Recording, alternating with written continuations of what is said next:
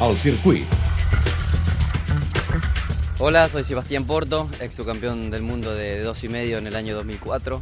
Bueno, el circuito de Terma Riondo la verdad que es un circuito muy lindo, muy técnico, muy difícil, eh, sobre todo enlaza partes que ya no estamos tan acostumbrados a ver, ¿no? Circuitos con, con curvas largos, ¿no? De largo tránsito.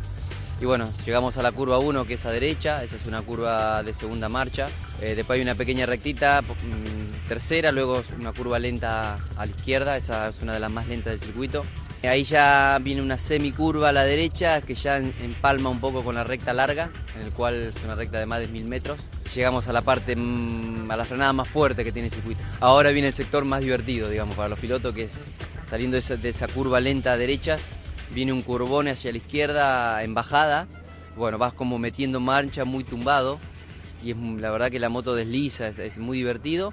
Se llega también en quinta velocidad a una frenada de segunda a la derecha y el, sector que llega ahora es eh, rebajamos a segunda y es la parte, la curva ciega, ¿no? la que no ves es en subida a la izquierda y bueno, hay como, una subida bastante pronunciada. Esa es la, la 8. Luego es una S también bastante rápida de derecha y enlazamos el curvón de aquí detrás de boxes.